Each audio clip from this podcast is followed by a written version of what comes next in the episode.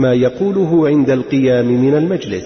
سبحانك اللهم وبحمدك أشهد أن لا إله إلا أنت أستغفرك وأتوب إليك. إلا غفر له ما كان في مجلسه ذلك.